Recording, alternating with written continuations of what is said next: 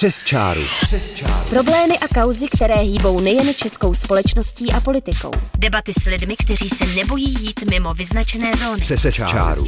Přes čáru na rádiu Wave. Jsme liberální univerzita a nesouhlasíme s umlčováním nekonformních hlasů. Teď cituji odůvodnění Olomoucké univerzity Palackého, která se rozhodla pozvat na debatu profesora klinické psychologie Jordana Petersna. Ten je známý jako konzervativní intelektuál, který má řadu stoupenců na poli alternativní pravice. Sám sebe označuje, cituji, za profesora proti politické korektnosti. Vedení Olomoucké univerzity svým krokem reagovalo na rozhodnutí Britské univerzity v Cambridge, která Petersonovi kvůli nevoli části veřejnosti zrušila hostování na své půdě. Proč se na Univerzitu Palackého snesla kritika části odborné veřejnosti? Nakolik je Jordan Peterson odborně relevantním akademikem? A pokusila se univerzita v Cambridge umlčet nepohodlný názor? To jsou otázky pro dnešní díl magazínu Přes čáru. U mikrofonu je Filip Titlbach. Přes čáru. Přes čáru. Přes čáru na rádiu Wave. Téma proberu se dvěma hosty z Univerzity Palackého, které oba zdravím do Olomouckého studia Českého rozhlasu. Jedním je sociolog Martin Fafejta, který nesouhlasí s pozváním Petersna na Olomouckou univerzitu. Martin, dobrý den. Dobrý den. Já bych neřekl, že nesouhlasím, ale mám velké výhrady. K tomu se ještě dostaneme. Zdravím také eh, Jakuba Ráliše, který působí jako ředitel Akademia Film Olomouc, kde by eh, v případě přijetí pozvání Peterson eh, s největší pravděpodobností vystoupil. Já podotýkám, že s Jakubem se znám známe delší dobu a proto si tykáme. Ahoj Jakube. Ahoj Filipe. A podotýkám ještě jednu věc, a to, že Martin Fafejta pracuje eh, jako dramaturg na stejném festivalu Akademia Film Olomouc, tak aby nedošlo k nějaké mílce. Martine, kdo je pro vás Jordan Peterson? Eh, já nějak nechci spochybňovat jeho vědecký výkon, jeho vědecké kvality na poli psychologie. Už z toho důvodu, že jsem sociolog, takže tak úplně nemůžu posoudit jaksi práci eh, kolegy eh, z jiného oboru. Zároveň ale ho vnímám primárně dneska, nebo on sám se vlastně do toho veřejného prostoru vstupuje primárně jako aktivista a tam se domnívám, eh, že se snaží podložit ty své názory sice akademicky, ale vlastně dezinterpretuje určité ehm, myšlenky filozofické. On se velmi často eh, kritizuje eh, francouzský postmodernismus, poststrukturalismus hmm. a tady si myslím, že skutečně dochází k naprosté dezinterpretaci toho, co ti postmodernisté, poststrukturalisté říkali a napsali. Jakube, jak vnímáš osobu Jordana Petersna ty? Tak já musím přiznat, že pro mě je to v podstatě na prvním místě taky aktivista. Hmm. Já ho jako akademika nejsem taky schopen úplně hodnotit, i když, když vím, že to není žádná, jako, žádná světová hvězda eh, s vysokým H-indexem. A já osobně ho jako aktivistu vnímám negativně. Jo, já s ním nesouhlasím v podstatě ve všech věcech. A dokonce bych souhlasil s Martinem v tom, že já jako studovaný filozof eh, jsem schopný uchopit to, že dezinterpretuje velkou část těch věcí, o kterých mluví. Ale tohle moje chápání nemá nějaký jako další implikace například na to téma, který dneska budeme řešit. No tak pokud se teda shodneme na tom, že eh, Jordan Peterson je minimálně kontroverzní osobností, tak eh, pak by mě zajímalo, z jakého důvodu by ho měla Olomoucká univerzita zvát na svou akademickou půdu. Jakoby nakolik eh, je to PR taktika a nakolik je to jeho vystoupení teda reálně přínosné pro společenskou akademickou debatu? Já nedokážu úplně posoudit, nakolik to je, PR taktika, ale skoro všechno, co se děje na té celouniverzitní úrovni, jako je nějaká PR taktika, jestli tomu tak dá říct, nebo budování značky. A myslím si, že v součástí budování značky UP je právě i to, to pozvání, který výborně zapadá do kontextu toho, jak se vedení univerzity chová prostě minulých 8 let eh, v kontextu pozvání jiných mluvčích, kteří byli také aktivisti, v kontextu eh, toho, jak funguje AFO, eh, i v kontextu toho, že máme Cyrilmetodickou teologickou hmm. fakultu. No tady jde o to, jestli to není jenom PR taktika, protože třeba sociolog Zdeněk Sloboda, který taky přednáší na Olomoucké univerzitě, tak ten se v komentářích pod tím postem na Facebooku Olomoucké univerzity podivuje nad tím, že Univerzita Palackého, cituji, vytrubuje po Facebooku, že ho pozvala a v mnoha jiných případech tak nečiní. A uvedl třeba příklad filozofky a feministky Judith Butler, kterou pozval na konferenci eh, na Filozofickou fakultu. Podle Slobody je to PR snaha svést se na neokonzervativní vlně. Tak není tohle gesto eh, podepsané rektorem na Facebooku zveřejněné právě jenom za účelem zviditelnění té vaší instituce? Tak to je asi jediná věc, kterou bych byl schopen prostřednictvím mě ústy eh, Petra Belíka odmítnout. To určitě není jenom PR akce. Eh, zvlášť třeba mě, který se k tomu přihlásil hnedka pod tím postem, pokud teda bereme jako Facebook, jako bernou minci, eh, jako ředitel AFO s tím, že bych ho klidně na AFO rád viděl. Hmm. Mě těžko někdo může obvinovat eh, z neokonzervativismu nebo konzervativismu jakýhokoliv typu a já si myslím, že to prostě opravdu sedí do té linie toho, že jsme tady měli Čomskýho, toho, že jsme tady měli Krause, že tady znova letos máme Dawkinse, toho, že prostě nám absolutně nevadí konfrontovat i velmi nekonformní, ne, eh, pro mě třeba i trošku ujetý, abych to, abych to vyhrotil, názory na akademický půdě. Já si nemyslím, že někdo, kdo na akademický půdě má mluvit veřejně, zvlášť, že to takhle známý aktivista, by měl, nutně měl nebo musel mít uh, akademickou, nějakou vysokou akademickou hodnotu. A já nedokážu posoudit to, co tam pan uh, Sloboda, uh, kolega Sloboda psal, ale já si opravdu nemyslím, že nějakého jiného mluvčího bychom odpozvali nebo zrušili pozvání, nebo ho nepozvali z nějakých ideologických důvodů. Rozumím, tady jde spíš o tu prezentaci, o to, že se tam objevil vlastně dopis rektora a že je to takhle v úvozovkách vyhypované, protože hmm. oba jste se shodli na tom, že dezinterpretuje eh, různé filozofické myšlenky. Ty si sám řekl, že to není žádná světová hvězda, tak potom se teda ptám, proč má mít takový prostor i třeba na sociálních sítích?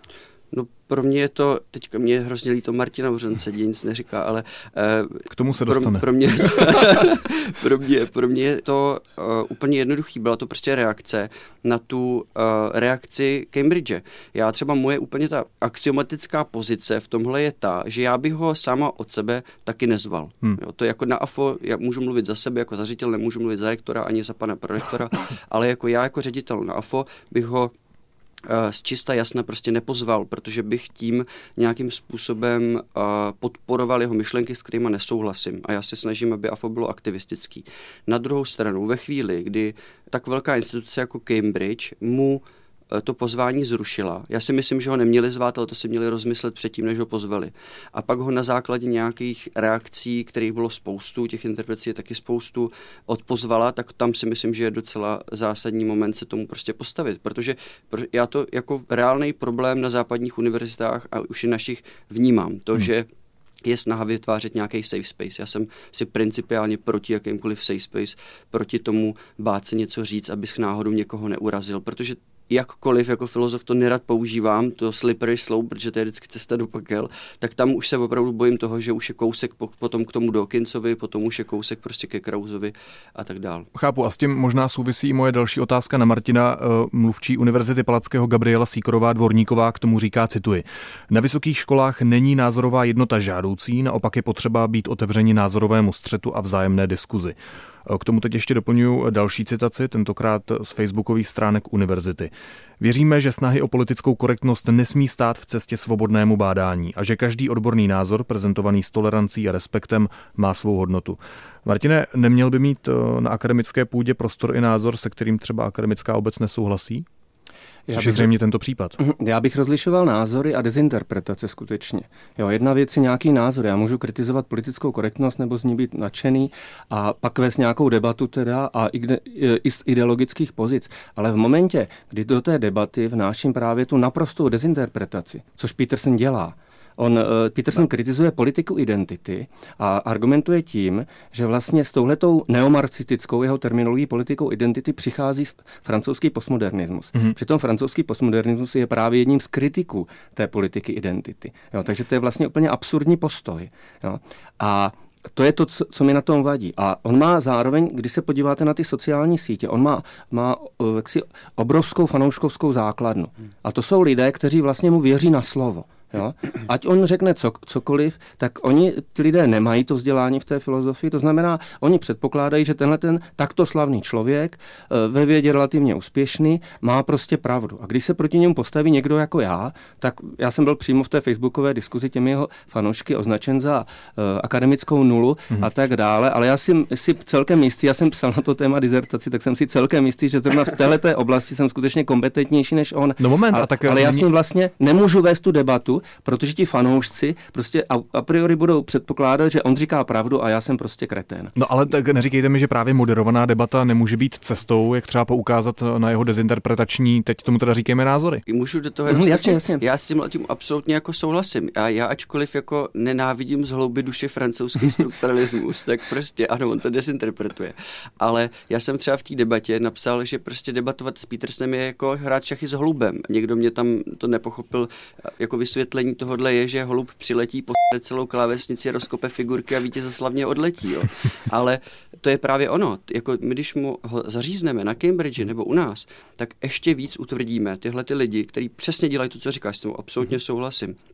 Podle mě jediný způsob je se to snažit velmi racionálně, moderovaně prostě rozkrýt. Já vím, že ty lidi to ne, nepoberou. Většina z nich ne, ale pobere to třeba jeden ze sta. Jo? A už to mm-hmm. podle mě stojí za to. Když jsme u toho holuba, a uh, já se ještě zastavím u jedné věty, u té, že e, snahy o politickou korektnost nesmí stát e, v cestě svobodnému bádání, jak píše ve svém vyjádření vedení Olomoucké univerzity. Psycholog Dalibor Špok k tomu napsal, že je to úplně naopak, že svobodnému bádání podle něj musí stát v cestě stovky překážek, od legislativních a etických poslušnost, dejme tomu dobré mravy.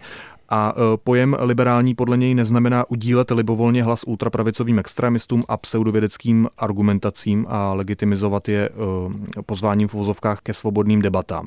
Špok k tomu ještě dodal příklad, cituji, Mengele se konec konců taky mohl obhajovat tím, že svobodně bádal. Tak Jakube, není podle tebe potřeba, eh, aby se diskuze ve vyspělé společnosti řídila etickými principy, slušností, eh, vyššími hodnotami, jak píše psycholog Dalibor Špok? I, jako určitě je. Já, já třeba rozhodně souhlasím s těmi etickými hranicemi.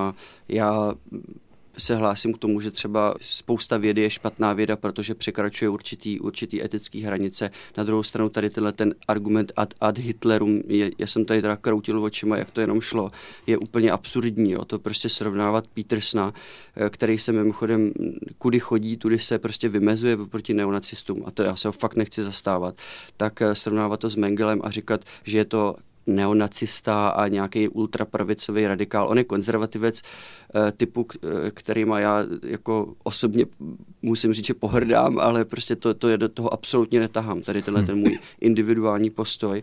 Už tohle to, jako pokud, pokud kolega Špok používá takovouhle rétoriku, tak znova jenom prostě utvrzuje právě třeba i ty eh, umírněný fanoušky Petersna. Na ně se samozřejmě lepí obrovský kvanta takových těch identity nácků a opravdu ultrapravicových uh, bláznů, ale on se proti tomu vymezuje. Jo? To, je prostě, to je prostě bohužel fakt, ačkoliv se nám to může nebo nemusí líbit, ale... No já jsem si třeba úplně nevšiml, že by se vymezil proti alt-right hnutí. On se já nikdy tak se... sám nedefinoval. No a já jsem se třeba včera, protože tohle je častá výtka, a já mm-hmm. jsem si včera hledal několik rozhovorů na CNN, všechno je to samozřejmě, to tady všichni víme, jak se o tom bavíme, olepený takovým tím Peterson rozdrtil reportérku a, a podobně, hmm. ale e, bylo tam několik velmi explicitních vyjádření, kdy on řekl, já nechci mít s alt-right nic společného, nechci, nejsem ani, to je a, B, nejsem neonacista, nesnáším neonacisty, nesnáším nacisty. To se dá jako fakt najít. Jo? Já myslím, že, Dobře. že... Tak my se ještě dostaneme potom i eh, k vašim názorům na to, jestli ho teda vnímáte jako ultrapravicového akademika nebo ne. Ale Martine, mě ještě zajímá uh, váš postřeh k tomu argumentu Dalibora Špoka.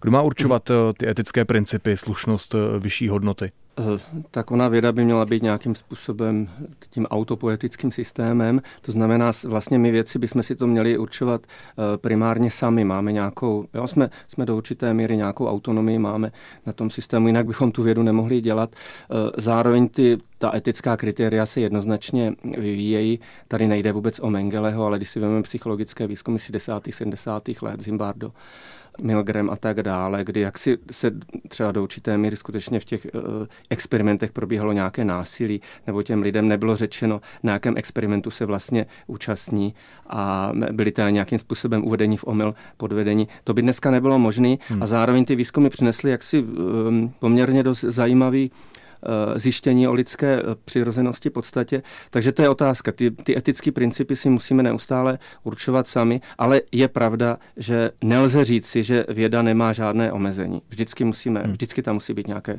etické omezení, ale vždycky si ho určujeme do určité míry zrovna tady a teď a nějak ad hoc. Když se teď dostaneme k rozruchu kolem rozhodnutí Cambridge University zrušit Petersonovy hostování, tak já jenom připomenu, že škola ho nejprve pozvala a po protestu místních studentů a pedagogů eh, jeho plánu plánované působení zase zrušila. V tom prohlášení znělo, cituji, že Cambridge je inkluzivní prostředí a škola očekává od veškerého personálu i návštěvníků, že budou dodržovat naše zásady. Pro ty, kteří to nezvládnou, zde není místo. Martine, není to nefér pozvat někoho na hostování a po nátlaku okolí to zase zrušit? A není to opět omezování svobody mm-hmm. slova, protože jeho názor je evidentně nekonformní? Já vlastně tady zastávám stejnou pozici jako Jakub. Oni ho neměli zvát, měli si jak si zjistit, měli si uvědomit, že není jenom vědec, ale i aktivista. A možná dneska v posledních dvou letech je daleko více aktivista. Mm-hmm. A i proto já vlastně se dívám kriticky na to jeho pozvání sem, protože zase ten argument, já když jsem se bavil s prorektorem Bilíkem, tak ten argument je, že je to prostě vědec a bude mít vědeckou přednášku. A já věřím, že tady je ten záměr ho pozvat jako vědce, ale zároveň si nejsem úplně jistý, jestli vzhledem k tomu jeho, té jeho nekritické fanouškovské základně e, e, jsme schopni takového člověka ukočírovat, aby na té akademii akademické půdě měl akademickou přednášku a neměl aktivistickou přednášku. Já si osobně myslím, že třeba ani, eh, jak si, eh, že, že obecně máme zvát vědce jako vědce a když ten vědec je aktivista, tak máme, máme mu jednoznačně říci, že, že o něm stojíme momentálně jako o vědci, ne jako o aktivistu. Jo? To znamená, když tady ještě, ještě to dořeknu a hnedka končím. Mm-hmm. Jo? To znamená třeba Dawkins je jednoznačně aktivista i vědec, ale já jsem na té jeho přednášce byl, ta jeho přednáška byla vědecká. On, to, on dodržel tuhle tu premisu a ne, nejsem si jistý, jestli by Peterson byl schopen dodržet takovouhle premisu. Hmm. Univerzita Palackého píše, cituji, uh, Jordana Petersona vnímáme jako kontroverzní osobnost, ale v rámci své odbornosti nepochybně kvalifikovanou. Mm-hmm. Jeho polemiky s aktuálními trendy západních univerzit jsou radikální, ale v čem mohou být poučné. V čem mohou být poučné, Jakube? Já úplně nedokážu posoudit. Já jsme, my jsme se bavili o tom, že já jsem čet část jeho knížky 12 hmm. pravidel a považuji to prostě za literaturu na úrovni úrovni Paula Coelha, jo, ale, nebo jak se ten pán No ale, čte, ale zase v úvodu ale, jako našeho pořadu si řekl, že dost dezinterpretuje filozofické myšlenky, tak pak se teda ptám, jestli to opravdu může být poučné, nebo ne. Tý, v tomhle bodě asi s, jako s tou oficiální liní univerzity nesouhlasím. Já třeba nemám problém s tím, když ten člověk eh, tady vystoupí jako aktivista. Já vnímám prostě univerzitní prostředí a zvlášť, řekněme to natvrdo, on kdyby sem přijel, tak přijede asi na AFO. Jo. Hmm. A já bych samozřejmě jako ředitel AFO nedovolil, aby tam proběhla hodinová nebo dvouhodinová monologická přednáška aktivistického typu, kde on bude opakovat ty pro mě poměrně jako neuchopitelné nebo nesmyslné věci, které tvrdí v těch knížkách. Ač a jakkoliv můžou být pro spoustu lidí zajímavý a ty lidi nemusí být žádný, zdaleka žádný pravicoví extremisti. Uh, já bych, za mě by to prostě musela nutně být velmi striktně a nějakou velkou osobností. Jo, teďka se vší úctě k Martinovi by to nebyl Martin. Já jsem rád, že to nebyl já.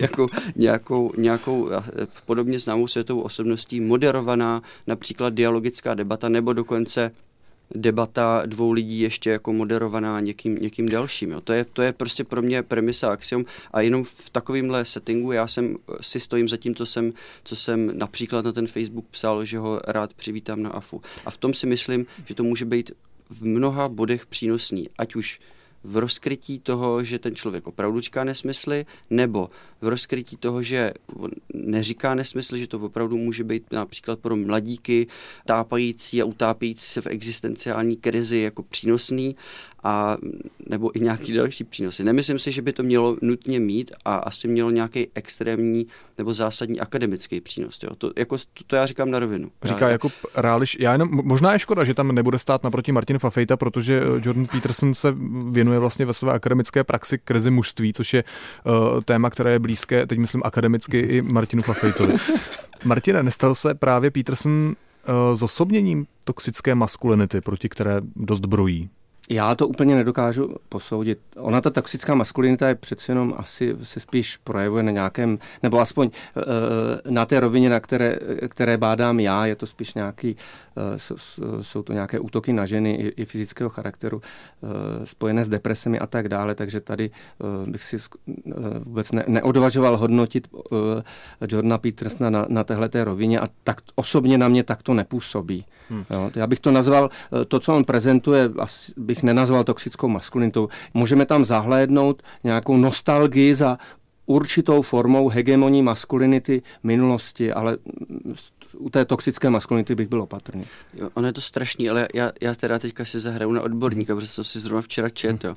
A mně se jedna z mála věcí, která se mi líbila, kterou jsem si, se, se dočet, tak on docela pěkně rozděluje alfa samce a alfa male a bully. Bully je jako člověk, který někoho terorizuje. Jo, jako bullying, jako šikana. Jo, šikana, šik, jako mhm, šikanátor. Jo, no, jasně, jo. No. To je fakt docela rozumný, to bylo v, několika větách, jo, je to srozumitelný pro lidi a takový to rozlišení i právě třeba pro potenciálně toxicky maskulinního mladíka, když se tohle to přišlo, tak to mi přišlo opravdu jako přínosný. Může se nám to zdát vtipný, ale já si myslím, že třeba pro jako 18-letého borce, který si tohle přečte, to může být jako life changing, jako upřímně. No. Dobře, eh, pak jsou tam ještě ale další věci. Já jsem teda taky celou knihu nečetl, ale uh, viděl jsem uh, pár ukázek.